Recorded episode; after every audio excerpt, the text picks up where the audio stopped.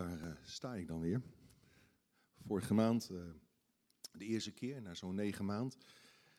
Zo ga ik stapje voor stapje uh, vooruit in mijn proces van herstel van een burn-out. En vandaag wil ik het hebben over het thema: hoe kan God herstel geven in de pijn van verlies en teleurstelling? En ik wil gaan lezen uit Psalm 23. De Heer is mijn herder, het ontbreekt mij aan niets. Hij laat mij rusten in groene weiden en voert mij naar vredig water. Hij geeft mij nieuwe kracht en leidt mij langs veilige paden tot eer van zijn naam. Al gaat mijn weg door een donker dal, ik vrees geen gevaar, want u bent bij mij. Uw stok en uw staf, zij geven mij moed. U nodigt mij aan tafel voor het oog van de vijand. U zalft mijn hoofd met olie. Mijn beker vloeit over. Geluk en genade volgen mij alle dagen van mijn leven. Ik keer terug in het huis van de Heer tot in lengte van dagen. Ik keer terug in het huis van de Heer tot in lengte van dagen.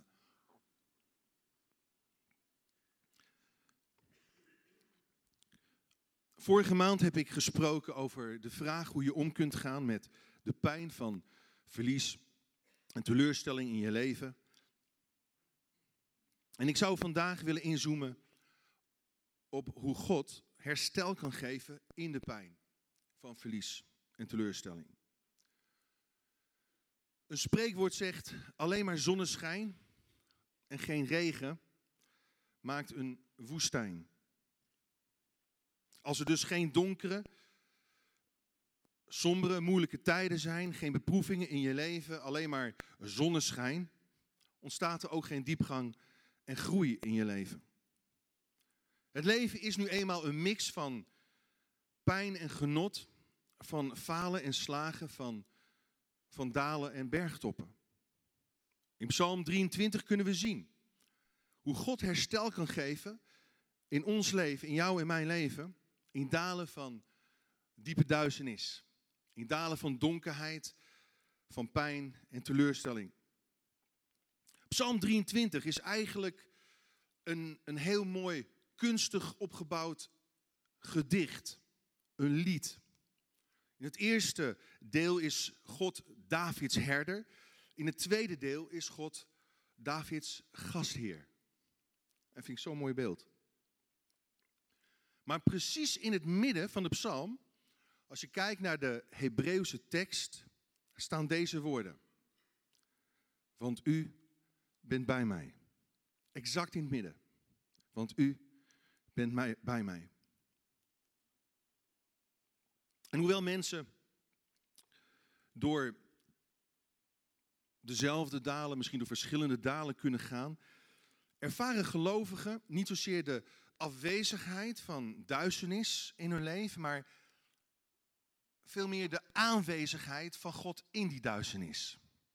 Zo staat in Psalm 34, vers 19, de Heere, lees je mee, is heel dicht bij mensen met groot verdriet. Hij helpt hen die te neergeslagen zijn. Vele zorgen en problemen kunnen de gelovigen treffen, maar de Heere zal altijd voor uitredding zorgen. En hoewel Psalm 23 in essentie ten diepste een vertrouwenspsalm is, word je in dalen juist aangevallen op dat vertrouwen wat je hebt in God, op je geloof in God. De vijand, de boze, de duivel is er vooral op uit om je geloof, om je vertrouwen in God weg te roven. Om je geloof te vernietigen, kapot te maken. Om je, om je te ziften als de tarwe dat er geen geloof meer overblijft. En ik heb dat ook letterlijk ondervonden in, in het proces waarin ik zit. Die aanvechtingen op mijn geloof. Niet zozeer op mijn, mijn liefde, niet zozeer op mijn, mijn passie voor God, maar mijn geloof in God. En daarom is het goed om deze drie feiten te onthouden. Dalen zijn onvoorspelbaar. En dan moet je goed beseffen, je, je, verwacht het niet dat je in een dal terechtkomt. Een goede dag kan zomaar een hele slechte dag worden. Je hoeft de blauwe envelop maar open te doen. Maar het kwaad ligt altijd op de loer. Helaas projecteren we het kwaad dat we meemaken regelmatig op God. Misschien bewust of onbewust, doet er niet toe. Maar veel Bosmans, hij zei hierover dit. Hij zei, mensen stop ermee. Stop die waanzin. 99% van alle lijden in de wereld doen jullie elkaar aan. Maar dalen, die zijn dus ja, onvoorspelbaar. Dalen zijn ook onpartijdig. Soms zijn er goede dingen die slechte mensen overkomen. En slechte dingen die hele goede mensen kunnen overkomen. Met andere woorden, dalen kijken niet naar hoe goed of hoe slecht jij door het leven gaat als je door zo'n dal heen gaat. Zijn onpartijdig. Ze kennen geen aanzien des persoons. Dalen zijn ook onvermijdelijk. Je kunt wel zeggen, ja, ik, ik wil dat niet. Ik, ik, uh, ik, ben een kind van God, dus uh, ik, ben, ik ben gelovig. En ja, ik vind niet dat ik door een dal heen moet. Dalen zijn onvermijdelijk. Iedereen komt er wel eens in terecht, of meerdere malen in terecht. David zegt ook, al ga ik door een dal van diepe duisternis, het is niet als ik ga, al ga ik er doorheen. Dus beproevingen en pijn en verdriet zijn onvermijdelijk in ons leven. Maar de diepste pijn wordt meestal veroorzaakt door wat mensen je aandoen. Bewust of onbewust jou aandoen. En het probleem is dat onze pijn, hoe we daarop reageren, vaak verkeerd is. Mensen gebruiken verschillende methoden om pijn te bestrijden. Er zijn drie dingen die je, die je eigenlijk moet vermijden om, om Gods herstel te kunnen ontvangen. Allereerst, vermijd, lees mee, de ik ben cool methode. Ik ben cool. Zo van, niks aan de hand. Dus met andere woorden, negeer je pijn niet. Pijn negeren is, is de koelbloedige methode van de cowboy. En vaak troosten we ons dan met de gedachte, ja, maar de tijd, tijd zal de pijn wel helen. Uh, maar de tijd maakt de wonden soms smeriger dan beter en gezonder. In Psalm 39, vers 3 zegt David, ik zweeg en sprak geen woord. Ik hield mijn mond en ontving het goede niet. Maar dan zegt hij, mijn zorgen en problemen werden alleen maar groter. Het verteerde mij van binnen. Als ik zuchtte, laaide alles weer op. Toen sprak ik wel. Toen begon hij dingen te beleiden en uit te spreken. Weet je, kleine problemen worden grote problemen als je in de fase van ontkenning blijft hangen. Weet je, als je een open wond niet verbindt, niet ontsmet, dan gaat die wond etteren en zelfs stinken op den duur. Maar vaak verbergen we onze gevoelens voor de ander, misschien om ons imago niet te verliezen. Of om niet voor paal te staan. Of om niet opnieuw beledigd te worden. Ik heb vorige keer gezegd dat uh, de psycholoog waar ik gesprekken mee heb, mij vergeleek met een, een, emotioneel gezien dan met een schildpad. Maar ik heb heel lang erover na moeten denken om het nou wel of niet te gaan vertellen, zo in de gemeente. Want stel je voor wat mensen daarmee kunnen gaan doen. Hè? Ze kunnen het je tegen je gebruiken. Ze kunnen... En, en ik denk van nee, we, kunnen allemaal ons vergelijken met een bepaald dier. Weet je nog, wat voor dier ben jij? De ene misschien een schildpad, de andere een egel, de andere een, koe of een, nou, een ezel wil ik maar niet zeggen, maar we kunnen ons allemaal wel met. Hè, soms moet je dingen ook openbreken, eh, beleiden.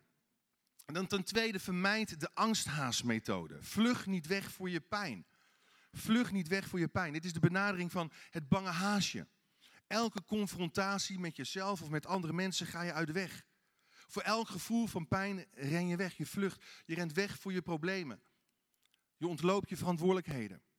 In Psalm 55, vers 6 zegt David: Ik beef van schrik. Ik tril over mijn hele lichaam. David, die machtige strijder. Die geweldige koning. En dan zegt hij, had ik maar vleugels als een duif, dan kon ik wegvliegen. Misschien heb je ook wel eens zo'n gevoel van, ik zou wel weg willen vliegen. Wegvluchten zou ik, ver weg de woestijn in. David kon dus ook vluchtgedrag vertonen. Hij was in zijn leven heel vaak op de vlucht. En, en ook vaak wel noodgedwongen, anders nou, zou hij niet lang leven. Maar het probleem was dat zijn vluchtgedrag ook in zijn gezinsleven, in zijn privéleven te zien was. Toen hij op een dag eigenlijk niet als priester van zijn gezin optrad. Hij deed niets aan het onrecht van Amnon, die zijn halfzuster Tamar onteerde en verkrachtte. En de broer van Tamar, Absalom, die, die zag dat. En die, die ergerde zich daaraan. Hij, hij keerde zich tegen zijn eigen vader. Nadat David twee jaar lang er niets aan had gedaan.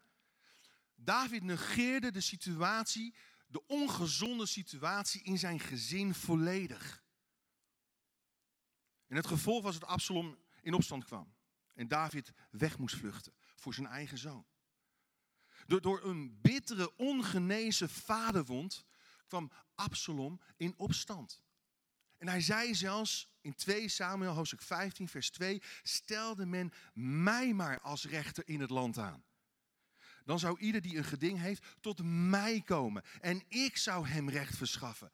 Ik, ik zal de mensen geven wat ze nodig hebben. Ik weet hoe het land geregeerd moet worden. Sluit je maar bij mij aan. Kom, luister naar mij.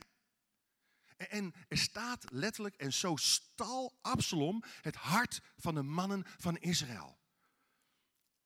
En het hele rijk van Israël dreigde uit elkaar te scheuren. Doordat eigenlijk een paar jaar eerder David niet ingreep in zijn situatie. Vluchtgedrag vertoonde. En de situatie werd erger en erger. Weet je, als we even kijken naar onze tijd, er zijn natuurlijk heel veel middelen die we kunnen gebruiken om, om weg te vluchten van onze problemen, van onze pijn. We kunnen overmatig computeren, overmatig televisie kijken, overmatig shoppen, overmatig eten, overmatig drinken. En, we zoeken middelen buiten God om om de pijn die we voelen te verlichten of te verdoven. En inderdaad, het kan eventjes helpen. Maar wat je uiteindelijk overhoudt, is een gevoel van leegte. Een zinloos, doelloos gevoel. Terwijl de pijn je pijnlijk in de ogen aankijkt. En het probleem blijf je achtervolgen. Dus vermijd de vlucht, het vluchtgedrag. Vermijd de ik blijf boos methode. Ik blijf boos. Ja, ik heb pijn. Het komt ergens vandaan. En die is schuldig daaraan, of dat is schuldig daaraan, en ik blijf boos. Met andere woorden, verbitter je niet. Verbittering veroorzaakt verwijdering en vereenzaming in je sociale leven. Verbittering veroorzaakt meer pijn en schade dan de pijn die je verwond heeft. Het is vergif. Het verlengt de pijn. Het stimuleert de pijn. En het effect is dat het anderen besmet die er helemaal niets mee te maken hebben. In het geval van, van Absalom werd zelfs een hele natie besmet. Het was een olievlek. Een hele, heel volk werd negatief beïnvloed. Daarom zegt de schrijf in Hebreeën hoofdstuk 12 vers 15... pas op dat niemand de genade van God verspeelt. Laat geen bitter, schadelijk onkruid opkomen... dat uw hele gemeente vergiftigt. Waarom? Een bittere wortel is giftig onkruid in je hart, in de tuin van je hart, in je leven. Het verziekt je geest, je lichaam, je omgeving, de gemeenschap. Beleid daarom elkaar uw zonde en bid voor elkaar, opdat u genezing ervaart, zegt Jacobus. God wil ons laten rusten. Dat lezen we in Psalm 23, in groene weiden, waar gezond voedsel is. Hij wil ons leiden naar vredig water. En pas dan kunnen we zeggen, het ontbreekt mij aan niets, wat er ook gebeurt. Zonder vrede in ons hart ontbreekt het ons aan alles. Dus jaag de vrede na. Anders verspeel je de genade van God in je leven. David zei, uw stok en uw staf geven mij moed. Of vertroosten mij.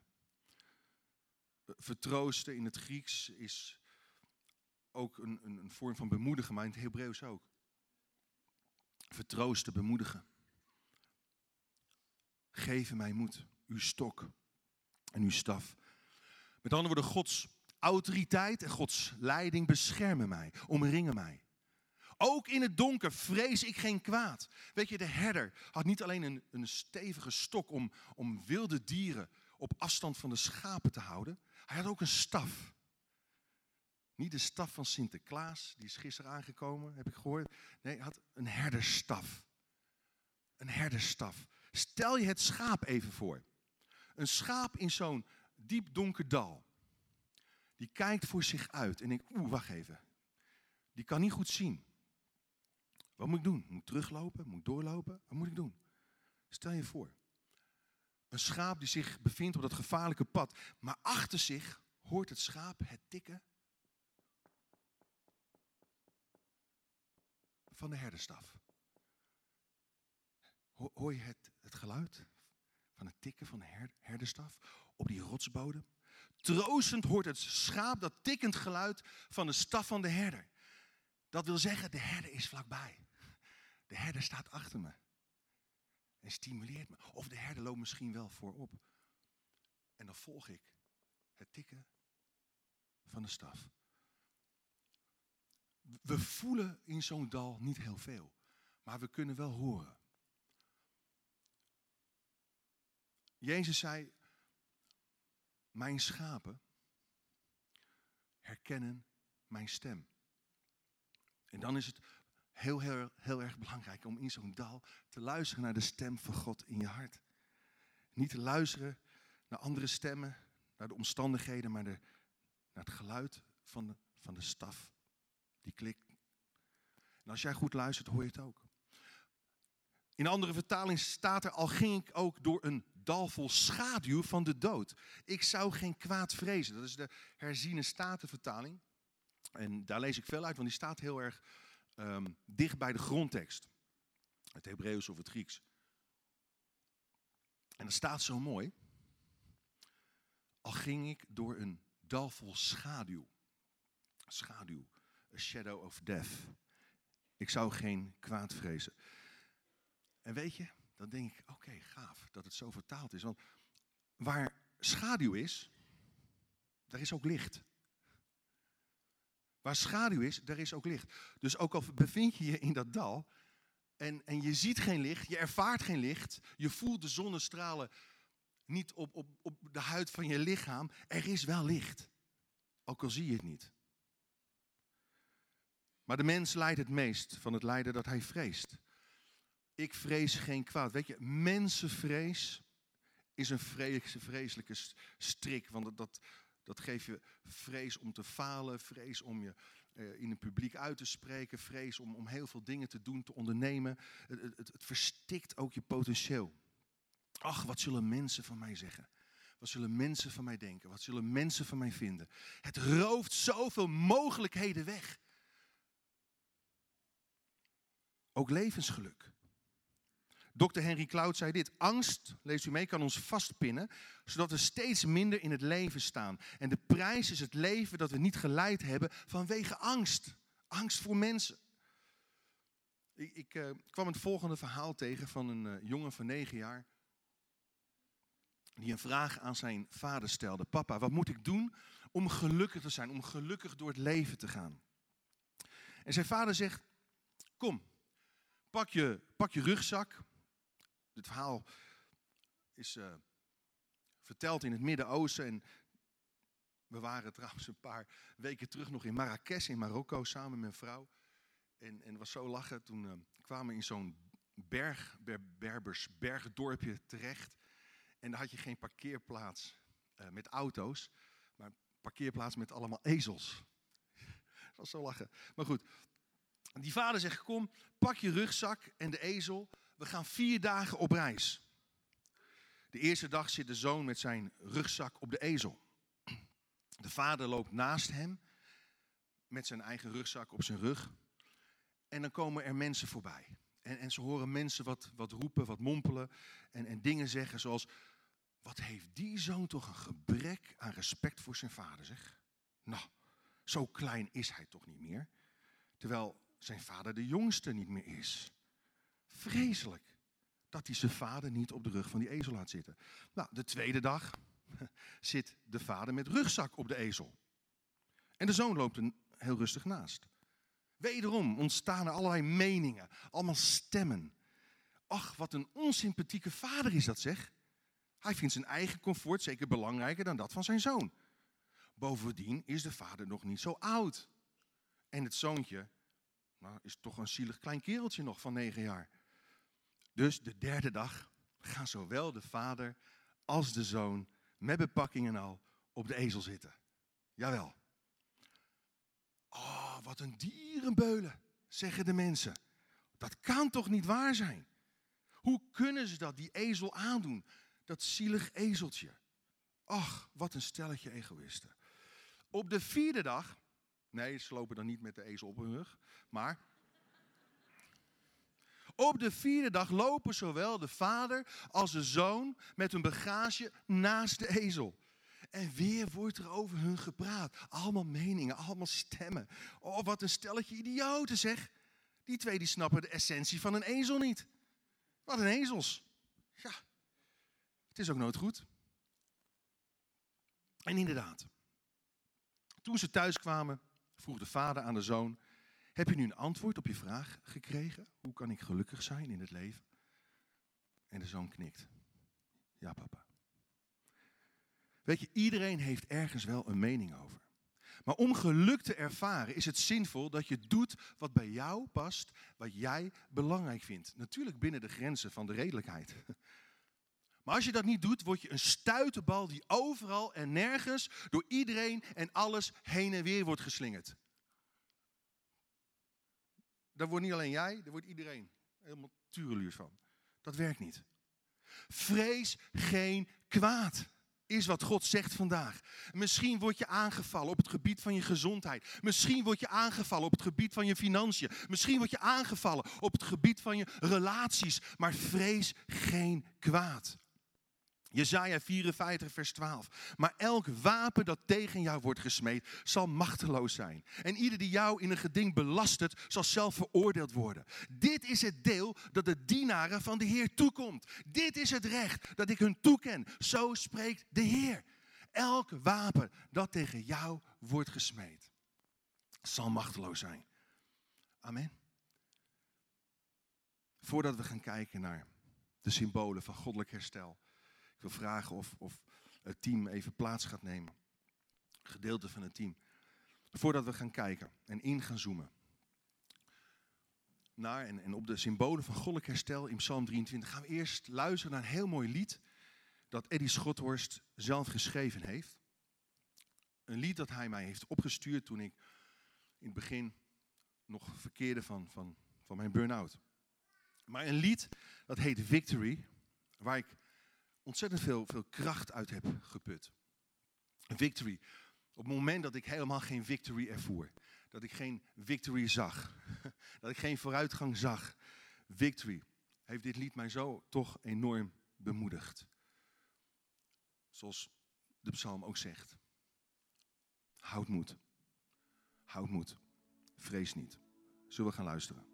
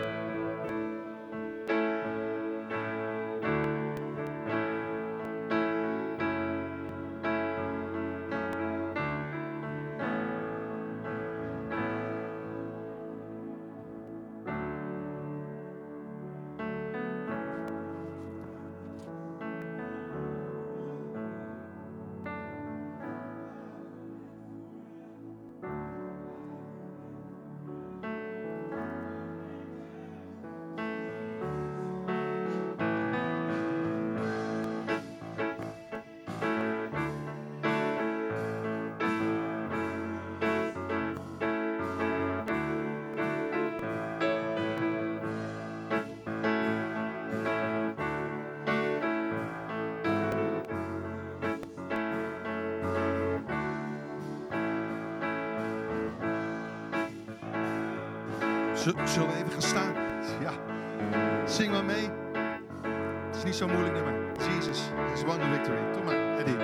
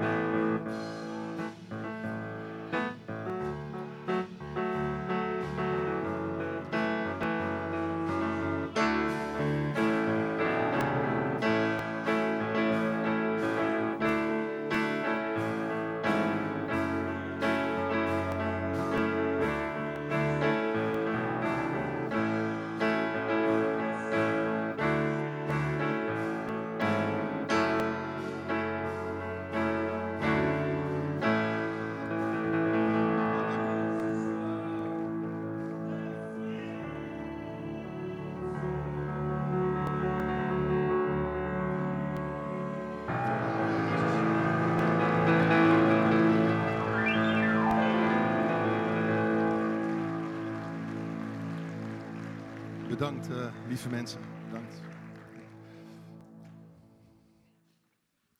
Ja, in mijn uh, hele periode dat ik uh, thuis zat, um, heb ik niet heel veel geluisterd naar preken.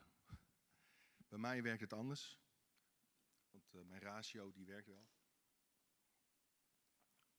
Intellectueel gezien kan ik heel goed uitleggen hoe het allemaal zit. Maar mijn hart zit soms wel op slot. En muziek is, is mijn taal. Dus ik heb heel veel geluisterd naar muziek. Uh, niet alleen worship muziek trouwens, maar ook uh, maar ik heb heel veel geluisterd naar muziek. En dit nummer, dat, dat opent mijn hart. Weet je, ik heb, uh, ik heb ook erg veel last van mijn knie. Niet, dat zeg ik even niet om te doen. Nee, dat is mijn eigen schuld eigenlijk. Ik heb een Rhodesian Ridgeback gekocht een tijdje terug. Een jaar terug. En die hond is nu 13 maand. Zo'n bakbeest, weet je, zo'n pronkerig hond. Zo'n zo leeuwenjager. Een geweldig hond, hè? Ja, mijn vrouw vindt hem vreselijk. Maar goed, daar ga ik mee, vaak mee wandelen en zo. Dus dat is goed voor mij. Hè? Wat beweging. En uh, wat fietsen ermee nu. Maar goed, dat, beest dat, uh, is 45 kilo. En dat, dat kwam zo aanrennen. Toetoef. En dan hoor je de grond trillen. Weet je. Bam, tegen mijn knie. Oh. Dus, nou, moet niet zo hard slaan. Maar um, nu zit mijn meniscus op slot. Of er is iets, ik weet niet, iets stuk. Ik moet naar de orthopeed binnenkort. Het gaat nu wel, maar soms, vooral ochtends, jongen, zit hij gewoon helemaal op slot. Mijn hele knie. Het doet pijn, jongen.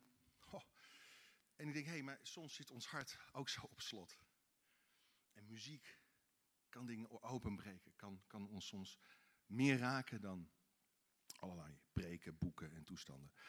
Goed, de symbolen van goddelijk herstel. Allereerst, sta God toe om je bondgenoot te zijn. Ik zal ik zal hier uh, snel doorheen gaan. Zodat we ook God kunnen aanbidden met ons uh, geweldige team. Sta God toe om je bondgenoot te zijn. Er staat, Heer, u nodigt mij uit aan uw tafel, mijn tegenstanders moet het aanzien. U nodigt mij uit aan uw tafel. Eh, in die tijd werden verdragen voor een verbond uh, in het algemeen bezegeld met een maaltijd. Een maaltijd, een teken van intieme vriendschap. Met andere woorden, God wil onze bondgenoot zijn, want hij is de God van het verbond. Een maaltijd bezegelde een verbond, een verdrag. Dus de goddelijke koning herder ontvangt David, zijn held, aan zijn tafel en neemt hem persoonlijk onder zijn hoede. Gaat voor hem zorgen. Zoals ook een vorst deed met, met getrouwe krijgers.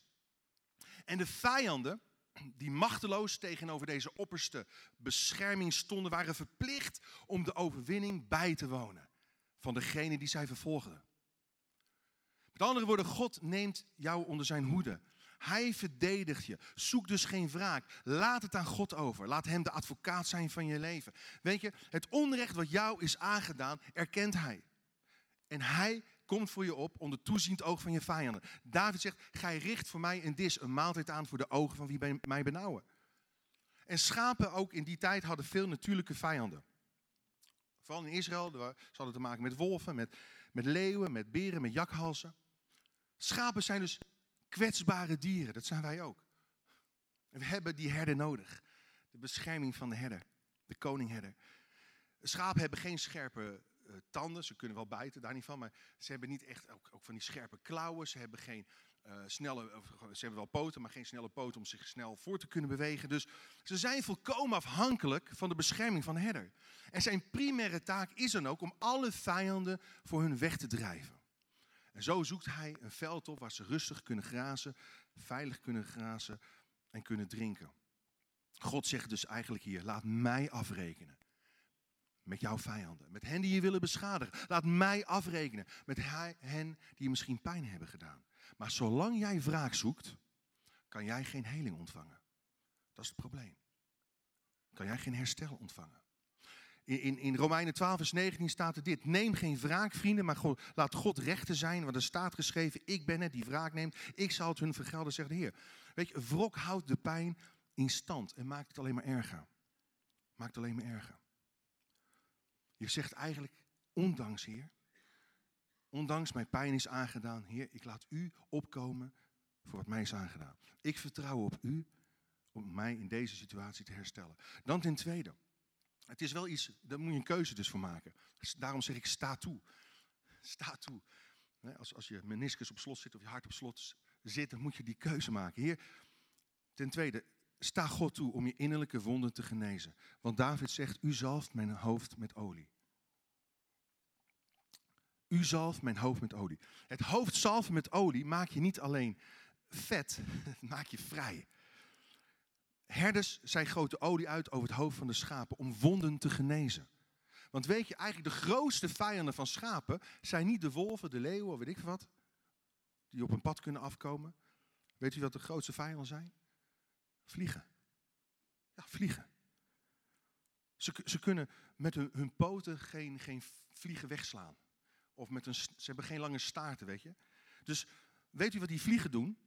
Ze kruipen in hun neusgaten en leggen daar eitjes in. En dan komen de larven uit. En die maken die schapen helemaal dol en gek. Vandaar dat je wel eens misschien een schaap eh, met zijn hoofd of met zijn kop tegen, tegen een steen of tegen een houten hek ziet aanslaan. Maar is het niet opmerkelijk, lieve mensen, dat vliegjes, dat de kleine vliegjes in ons leven, de kleine dingen ons leven kunnen verzieken, dat kleine irritaties een grote ergernis kunnen worden. Wat zijn de vliegjes in jouw leven? Dan moet je niet naar degene die naast je zit gaan kijken. Of achter je. Wat zijn de vliegjes, wat zijn die kleine dingetjes die jou irriteren? Jouw leven verzieken? Weet je, in Psalm 147, vers 3 staat: Mensen met een gebroken hart vinden bij hem genezing. Hij heelt alle wonden. Wat doen herders? Ze nemen de olie en gieten dat over het hoofd van de schapen. Om, om niet alleen te genezen, maar ook om te verbinden. Om ze te beschermen tegen die vliegen en larven.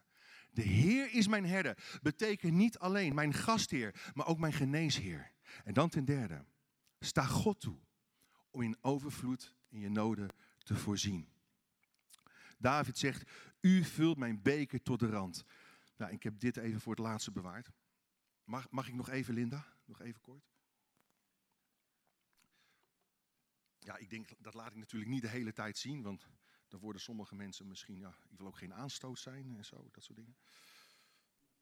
Weet u, um, ja, ik had nog wat over van gisteren. Ik heb niet de hele fles opgedronken, dus wees gerust. Hij, hij vult mijn beker tot de rand. Weet u, wie, wie gaat er wel eens op een terrasje zitten of in een restaurant. En dan schenkt de ober een glas wijn in. En dan kan ik me zo irriteren. Ja, dat is dan even zo'n vliegje. Ik denk, man, daar betaal ik 5, 6 euro voor. voor en, je vult hem niet eens tot de rand. Je vult hem niet eens tot aan de rand. Wat ben je nou voor gierige ober? En soms is, dan ben ik zo brutaal, soms, om te zeggen... Kan hij niet iets uh, voller, meneer? Kijk eens hem aan. Soms doen ze het, soms lopen ze kwaad weg. Maar dan geef ik alsnog wel een goede fooi hoor. Je moet, ja, we moeten mensen, we moeten hè, eh, vriendelijk zijn naar iedereen en zo. En we hebben getuigenissen. Maar het mooie van God is, hij is niet gierig.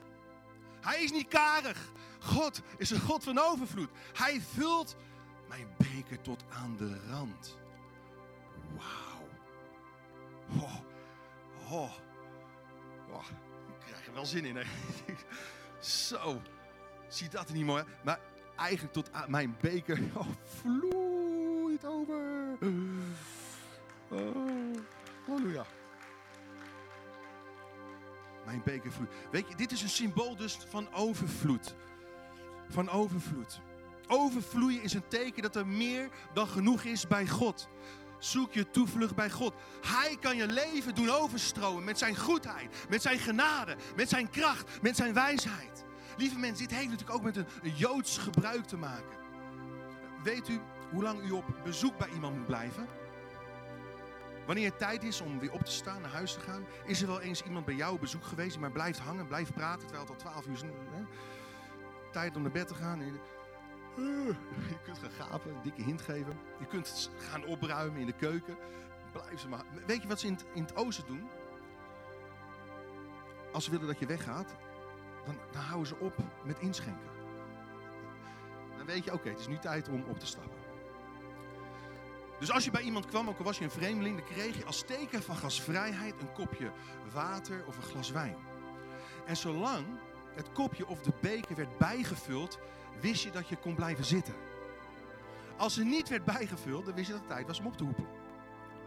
Maar als de gastheer, en zo is God, je echt mocht, als, als je gastheer wilde dat je bleef zitten, dan nam hij je beker en vulde die tot aan de rand, tot overvloeiend toe.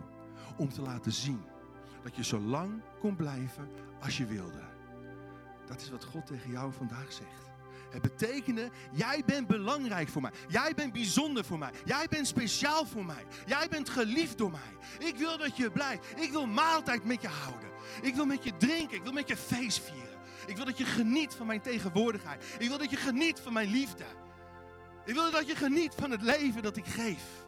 Want ik ben het leven. En ik geef leven en overvloed. Ik geef leven. Ik vul je beker tot aan de rand, tot overvloeiens toe. Zullen we onze hoofden buigen, onze ogen sluiten. O Heer, dank u wel. Heer, dank u dat u ons uitnodigt, allemaal. Om bij u te komen, om maaltijd te houden. Om te drinken, om te genieten. Heer, u nodigt mij uit aan uw tafel. Mijn tegenstanders moeten het aanzien. Dat wil zeggen, Heer, u komt voor mij op. U zalft mijn hoofd met olie, met balsem. Dat wil zeggen, Heer, u geneest, u heelt mijn wonden. Heer, u vult mijn beker tot de rand. Dat wil zeggen, Heer, u voorziet in al mijn noden tot overvloedens toe. U geeft wat ik nodig heb. En als je gebed nodig hebt, misschien voor de eerste keer een keuze wil maken om, om God te leren kennen, om Jezus te leren kennen, om zijn, zijn genade te, te ontvangen, zijn liefde. Dan mag je gewoon dat kenbaar maken. Door ook naar een van de etagères toe te lopen of straks naar afloop van de dienst naar de infobalie te gaan. Maar ook als je gebed nodig hebt, op welk gebied van je leven dan ook. Stap gewoon vrijmoedig uit je rijen en ga naar een van de etagères toe, hiervoor in de zaal, achter in de zaal. En ontvang Gods liefde, ontvang die overvloed van God. Die overvloed die alleen bij Hem te vinden is. In Jezus' naam. Amen.